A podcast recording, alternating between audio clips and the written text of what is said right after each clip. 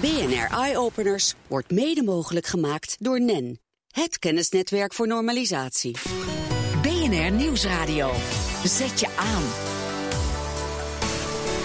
BNR Eye Openers. Koel en droog in een tentje van karton. Jan Posma. Aan het eind van een festival laten bezoekers vaak hun goedkope en vervuilende tentjes staan. Vervelend voor de opruimdienst en ook slecht voor het milieu. Cartent biedt de oplossing. Deze kartonnen tent is recyclebaar en houdt je lekker koel en droog. Bij mij in de studio uh, de bedenkers van Cartent, Jan Portheijnen en Wout Kommer. Welkom allebei. Uh, ja, net zijn jullie al even aan het knutselen geweest. Uh, we hebben er eentje in elkaar gezet. Zag er heel mooi uit. Het, is, nou, het ziet eruit als een soort IKEA-verpakking en er komt gewoon een hele tent uit. beschrijf eens, wat, wat maakt deze tent nou zo uniek? Um, nou, wat deze tent uniek maakt is het feit dat alle materialen die wij gebruiken, dat is dus alleen karton, kun je recyclen. En dat is dus ten opzichte van een andere uh, tent is dat een voordeel. Uh, wij hebben namelijk gezien dat er heel veel van die tenten blijven liggen.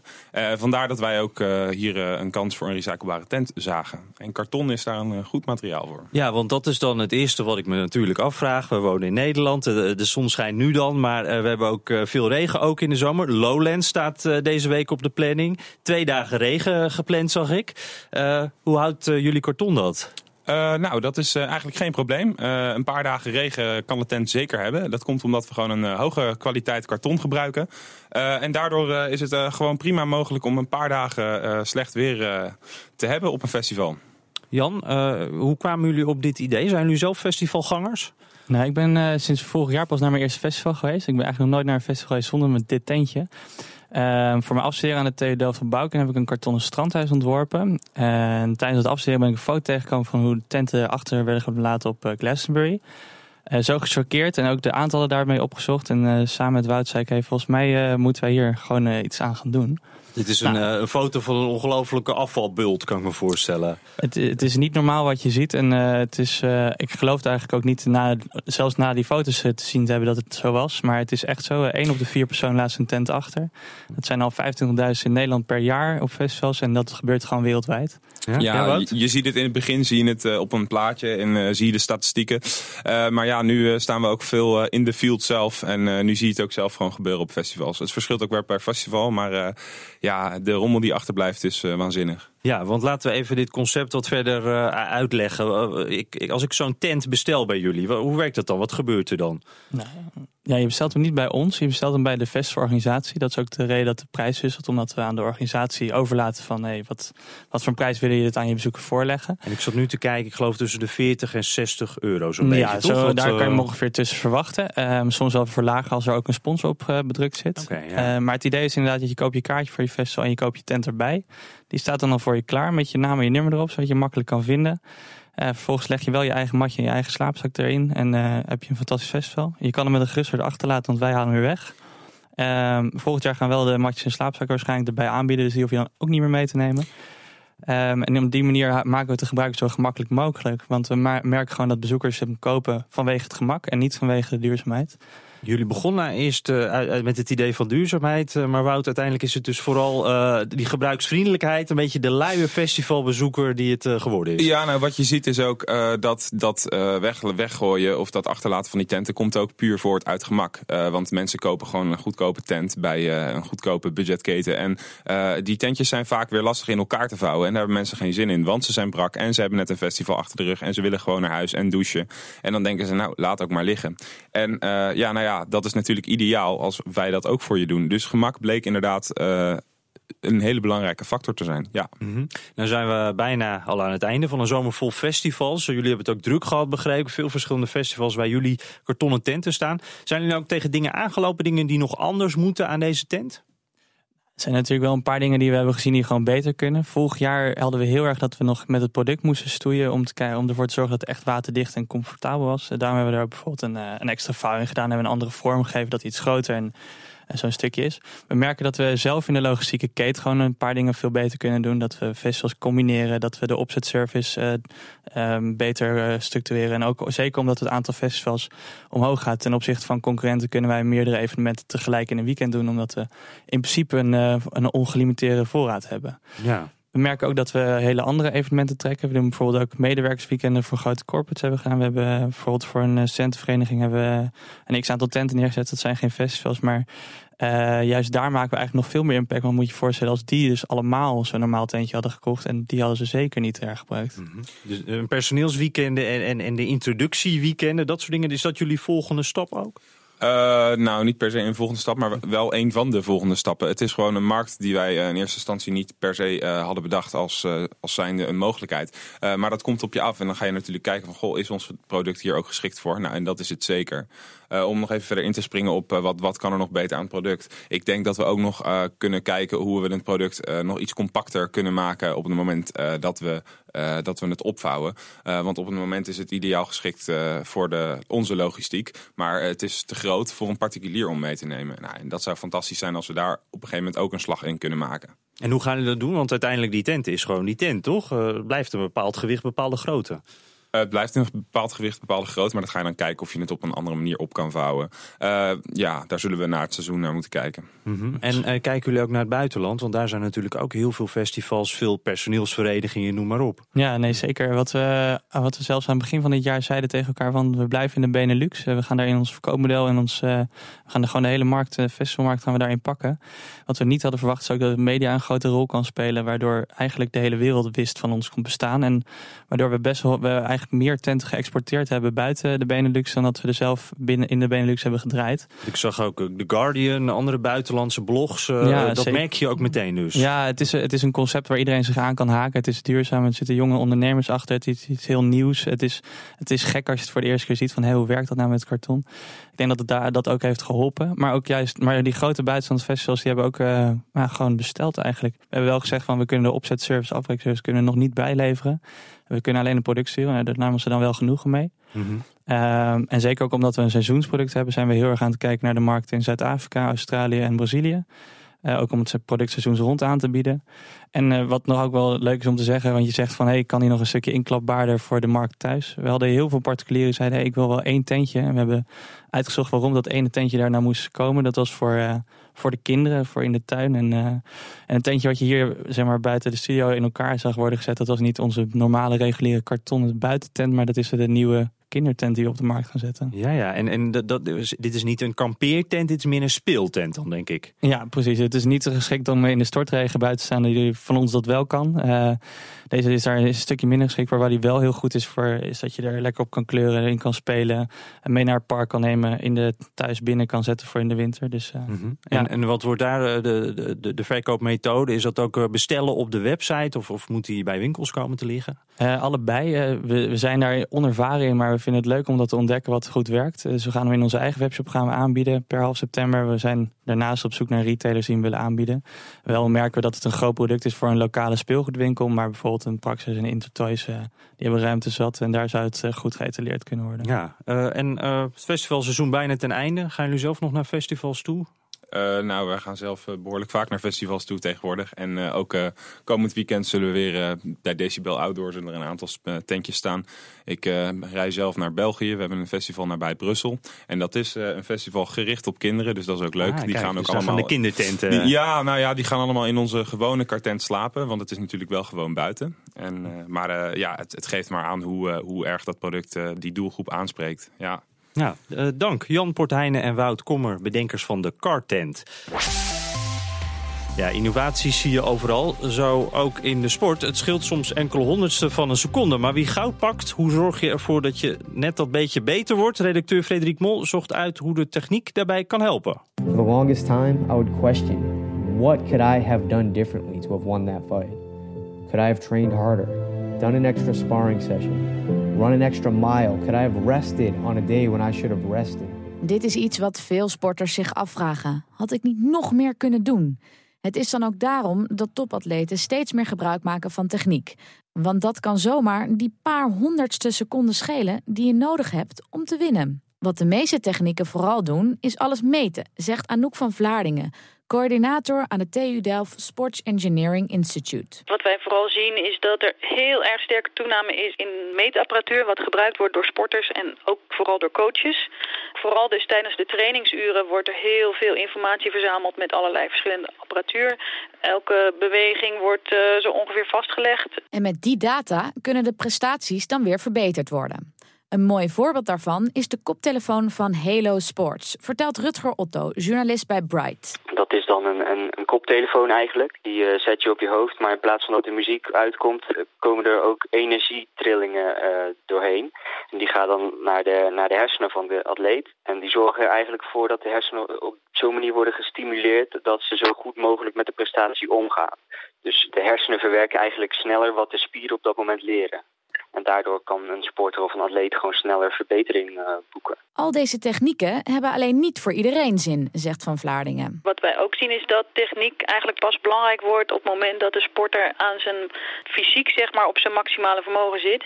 En nou, dan komt eigenlijk techniek om de hoek kijken om dan toch nog die laatste, laatste extra's uh, eruit te kunnen halen. En om, om ook echt verbeteringen nog mogelijk te maken. Maar als je dan op je fysieke top zit, dan kan techniek net dat beetje extra zijn om toch die gouden te pakken.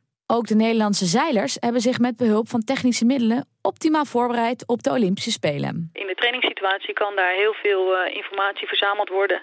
En zeker nu uh, met de Olympische Spelen in Rio uh, is het zo dat het voor de zeilers heel belangrijk is dat zij heel goed weten wat er op die precieze locatie aan omgevingsfactoren eigenlijk speelt. Dus dan heb je het over wind en over stroming. Nou hebben wij samen met de zeilers eigenlijk vooraf uh, in aanloop naar de Spelen geprobeerd om al dat soort gegevens in die baai van Rio zo goed mogelijk letterlijk boven water te krijgen en uh, te analyseren, zodat ze echt helemaal optimaal voorbereid daar het water op kunnen gaan. Als we de volgende Spelen ook weer optimaal willen presteren, zal de techniek zich vooral moeten focussen op de voorbereidingstijd, zegt Van Vlaardingen. Ik denk dat de nieuwe innovaties de komende tijd, dus echt in die aanloop daar naartoe, dat dat juist het belangrijkste moment is om, om tot nieuwe innovaties te komen. En ook om die sporters dan in de jaren daartussen eigenlijk optimaal te laten presteren in hun trainingssituaties. Door hen ook te ondersteunen in het feedback wat ze krijgen van bijvoorbeeld al die data. Kun je ze misschien ook wel in een soort simulatiesituatie zetten. Waardoor ze nog meer die wedstrijd of, of uh,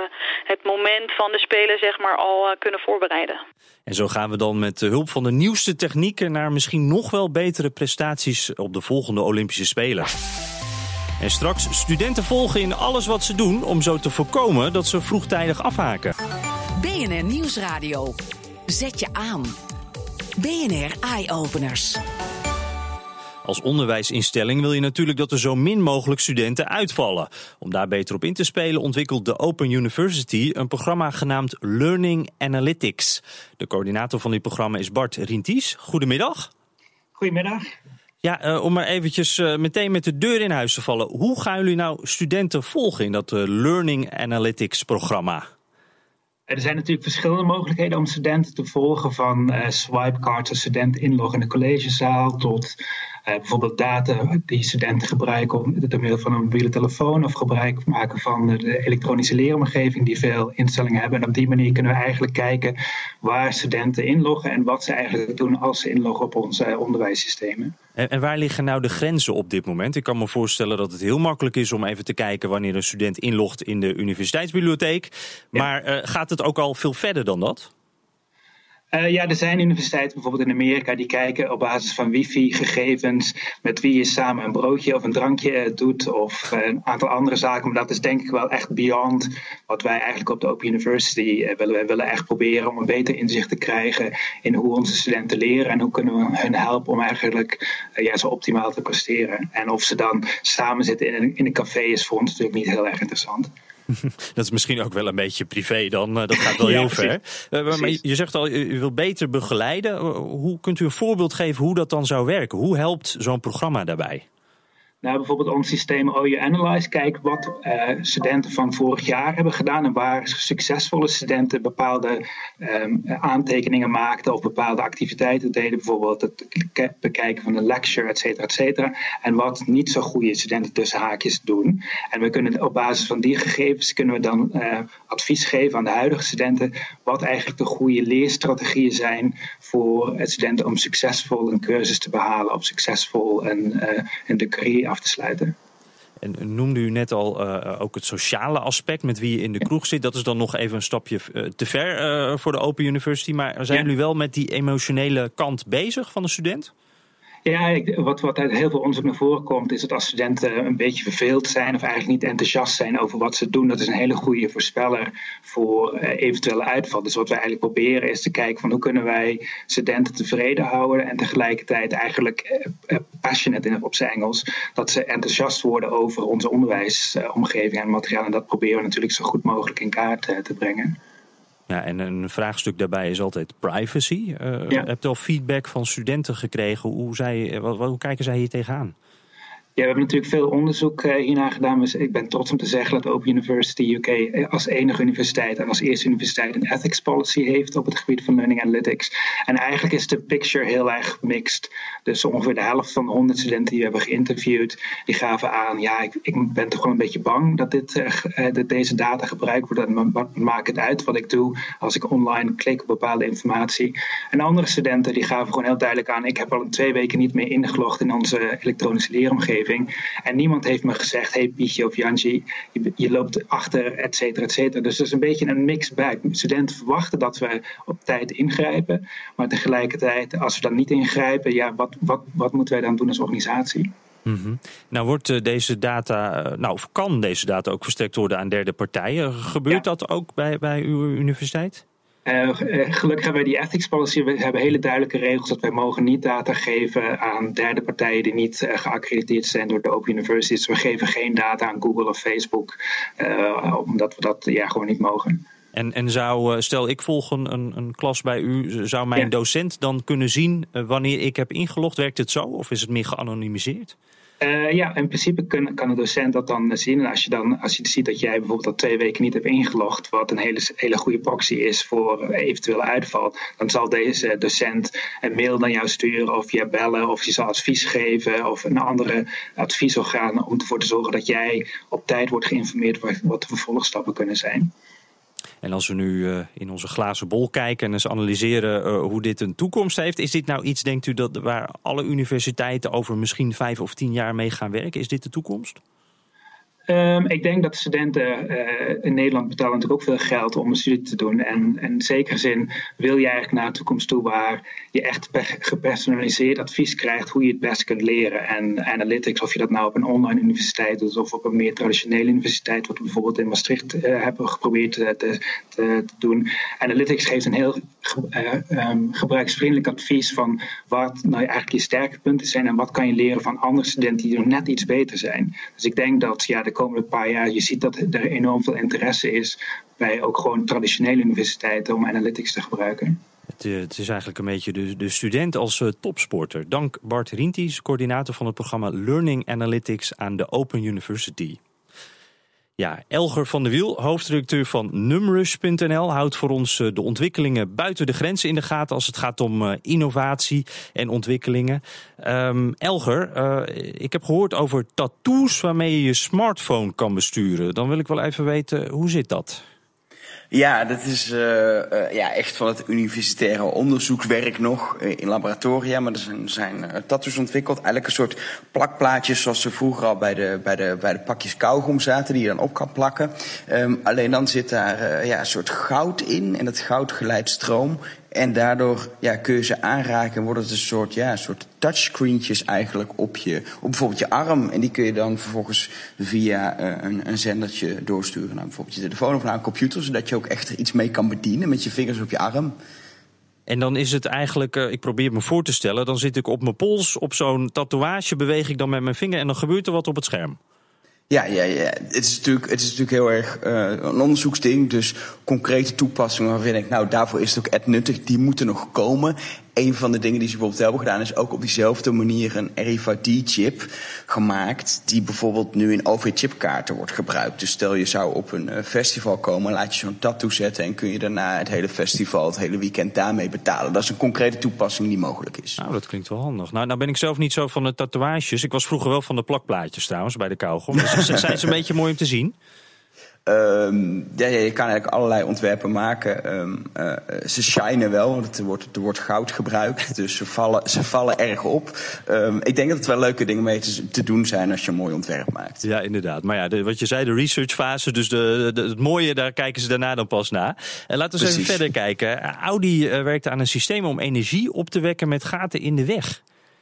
Ja, dat is heel grappig. Je hebt natuurlijk een hekel aan gaten in de weg. Uh, in Nederland hebben we gelukkig relatief goed wegdek. Wel veel um, drempels. Ja, nou, elke, elke hobbel die wordt opgevangen door je, door je schokdempers. En um, dan hebben ze bij Audi gedacht, ja, dat is eigenlijk energie. Uh, die schokdemper die, die, die vangt je energie op en die, die ja, die relativeert die energie waardoor je de schok minder voelt. Wat als we nou een soort dynamo inbouwen en dus die schokgolf die energie omzet in echt elektriciteit. Dus dat, dat hebben ze simpelweg gedaan. En die, uh, die technologie die uh, willen ze ook echt in de auto's gaan inbouwen. Dat betekent dat hoe harder je over een drempel rijdt of door een kuil rijdt, hoe meer uh, energie je auto zou opwekken. En hoeveel scheelt dat nou? Zou ik dat bijvoorbeeld in, in mijn, in mijn, als ik een hybride heb, dat ik het ook in mijn benzinetank uh, ga merken? Of, of zijn het kleine. En, uh, het, het, zijn kleinere hoeveelheden uh, energie die worden opgewekt. Dus verwacht je geen wonderen van, want dan, dan kun je een soort oneindig rijdende auto creëren. Dat klinkt wel goed, ja. Um, ja. Maar weet je, het is een kwestie van alle beetjes helpen. We hebben afgelopen week ook alweer een auto gezien met een klein zonnepaneel op het dak. Weet je, als je op allerlei manieren die auto weer kleine beetje energie laat opwekken, dan, dan, ja, dan onder de streep heb je er wel wat aan. Ja, nou zijn die, die, die kuilen in de weg natuurlijk vooral vervelend omdat ze niet zo comfortabel zijn. Uh, is dit systeem nog uh, extra comfortabel of maakt dat niet zoveel uit? Nou, het zijn uiteindelijk wel gewoon schokdempers. Dus, dus uh, je rijdt uiteindelijk lekkerder en wekt ook nog energie op. Um, dus um, ja, het zal niet in de goedkoopste auto's zitten, maar die maakt de Audi sowieso al niet. um, dus op zich, het is, ja, het is, het is een systeem waar je gewoon aan twee kanten winst uit haalt. Het rijdt lekkerder en het uh, wekt wat energie op. Ja, uh, en nog even sparen dus uh, waarschijnlijk. en dat sowieso. Die auto's die, die worden natuurlijk sowieso allemaal steeds slimmer. je stuurde een mooie statistiek door. Het afgelopen kwartaal zijn er meer auto's dan telefoons aangesloten op internet. Ja, moet ik wel zeggen, dat is in de Verenigde Staten. Daar zijn ze al iets verder dan Europa met het online brengen van auto's. Zodat ze bijvoorbeeld snel contact kunnen maken met de garage als er een, als er een probleem is. Het afgelopen kwartaal 1,4 miljoen auto's die erbij zijn gekomen op het mobiele internet. En maar 1,2 miljoen smartphones. Iedereen heeft immers een smartphone, dus dat, die markt die vlakt een beetje af. Terwijl die automarkt, die is in opkomst. Het hele internet of things waar we het over hebben. Dat zien we nu vooral in die auto's ontstaan. Die komen massaal online. En de invloed ook denk ik van Tesla en dat, dat soort uh, automerken. Hè? Ja, maar je ziet het juist ook heel veel bij gewone automerken. Of zelfs uh, uh, in Amerika zijn er systemen die je gewoon in eigenlijk elke auto die in de jaren 90 of later is gemaakt kan inprikken. En daarmee de auto online brengt. Uh, dus, dus we zien dat ook gewone auto's die je zelfs tweedehands koopt nu online komen. Ja, ik, dat is natuurlijk voor de telecomproviders ook wel mooi. Die hebben hier veel business aan, denk ik. Ja, natuurlijk. Weet je, die, die hebben weer extra apparaten die ze online brengen. Nu gebruiken auto's niet per se veel data. Um, uh, dus uit de, uit, ja, uit de grote dataverhalen hoeven ze niet hebben. Maar elk extra apparaat dat ze online kunnen brengen is voor hun natuurlijk business. Zeker in een tijd waarin we niet meer sms'en en ook belminuten steeds minder worden. Ja, dan is dit uh, een welkome inkomstenbron natuurlijk. Ten slotte nog even kort uh, op de Olympische Spelen. Natuurlijk heel veel sporters, maar ook een onderwaterrobot.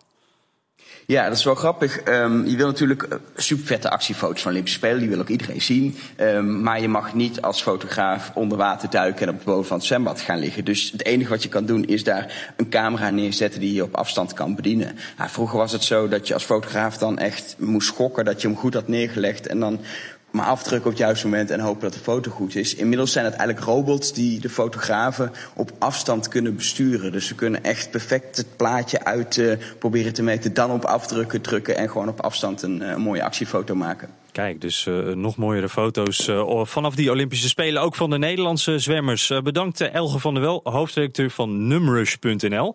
Op bnr.nl slash eyeopeners vind je nog veel meer innovaties met impact. En op Twitter vind je ons via BNR Eyeopeners. Heb je zelf iets leuks gezien of iets leuks bedacht? Stuur dan een mail naar eyeopeners.bnr.nl. Dat was hem voor nu, zie je in de toekomst. BNR Eyeopeners wordt mede mogelijk gemaakt door NEN Het kennisnetwerk voor normalisatie.